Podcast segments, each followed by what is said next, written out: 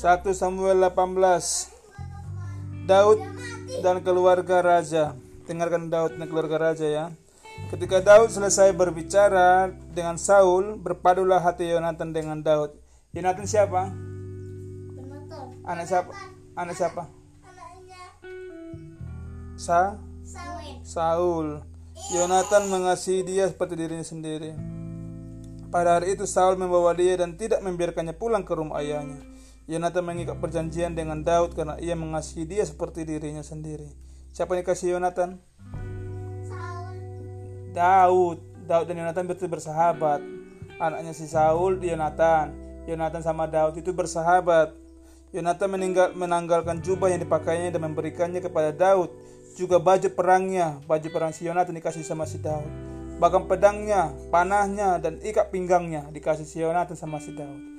Daud maju berperang dan berhasil dalam setiap tugas yang diperintahkan Saul sehingga Saul mengangkat dia mengepalai sejumlah prajurit. Hal ini dipandang baik oleh seluruh rakyat dan juga pejabat-pejabat Saul. Saul memusuhi Daud. Ini dengar ya, bagaimana caranya si Saul memusuhi Daud ya.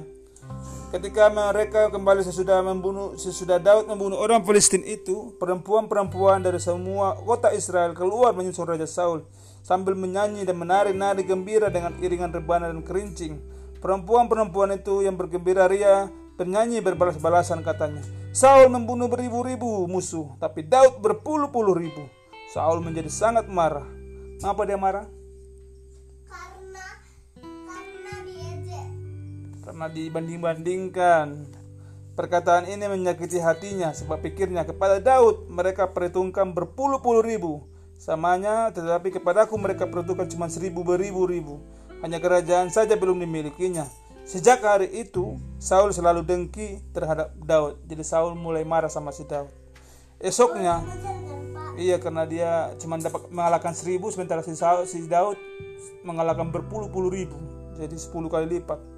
Esoknya Roy menyusahkan dari alam melanda Saul sehingga ia kesetanan di dalam rumahnya. Daud memainkan kecapi di tangannya seperti biasa, sedangkan Saul memegang tombak di tangannya. Saul melemparkan tombak itu karena pikirnya akan kutancapkan Daud ke dinding, akan kubunuh dia. Tapi Daud mengelak sampai dua kali dia mengelak dari tombaknya si Saul. Saul menjadi takut kepada Daud karena Tuhan menyertai Daud, sedangkan ia telah menyingkir dari Saul.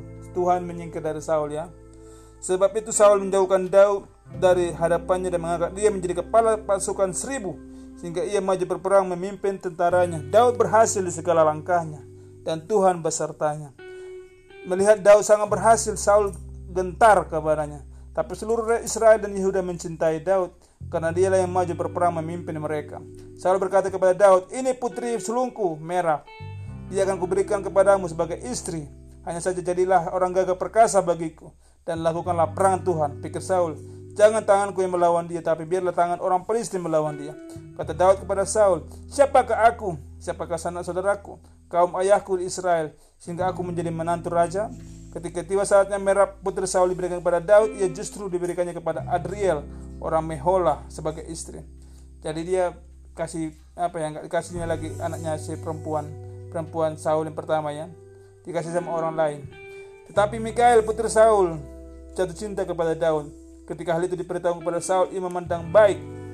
Saya pikir Saul, aku akan memberikan Mikael kepadamu supaya ia menjadi jerat baginya dan tangan orang Filistin melawannya. Lalu Saul berkata kepada Daud untuk kedua kalinya, sekarang engkau boleh menjadi menantuku. Saul memerintahkan hamba-hambanya katakan kepada Daud dengan diam-diam, sesungguhnya raja menyukaimu dan semua hambanya mencintaimu sekarang. Jadilah menantu raja. Lalu hamba-hamba Saul menyampaikan perkataan itu kepada Daud. Kata Daud, hal yang hal yang remeh dalam pandanganmu menjadi menantu raja.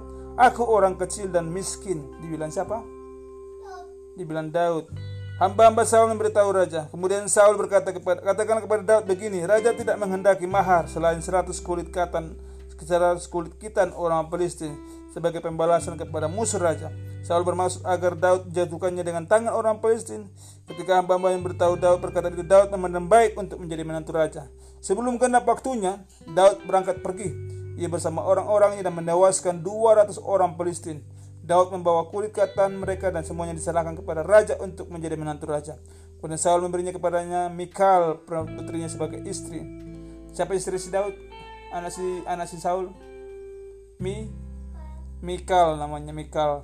Menyadari bahwa Tuhan beserta Daud dan Mikal putri cinta Daud, makin takutlah Saul kepada Daud. Saul seterusnya menjadi musuh raja, menjadi musuh Daud. Panglima-panglima Filistin maju berperang dan setiap kali mereka maju Daud lebih berhat, berhasil dari semua hamba-hamba Saul sehingga namanya menjadi sangat masyur. Amin.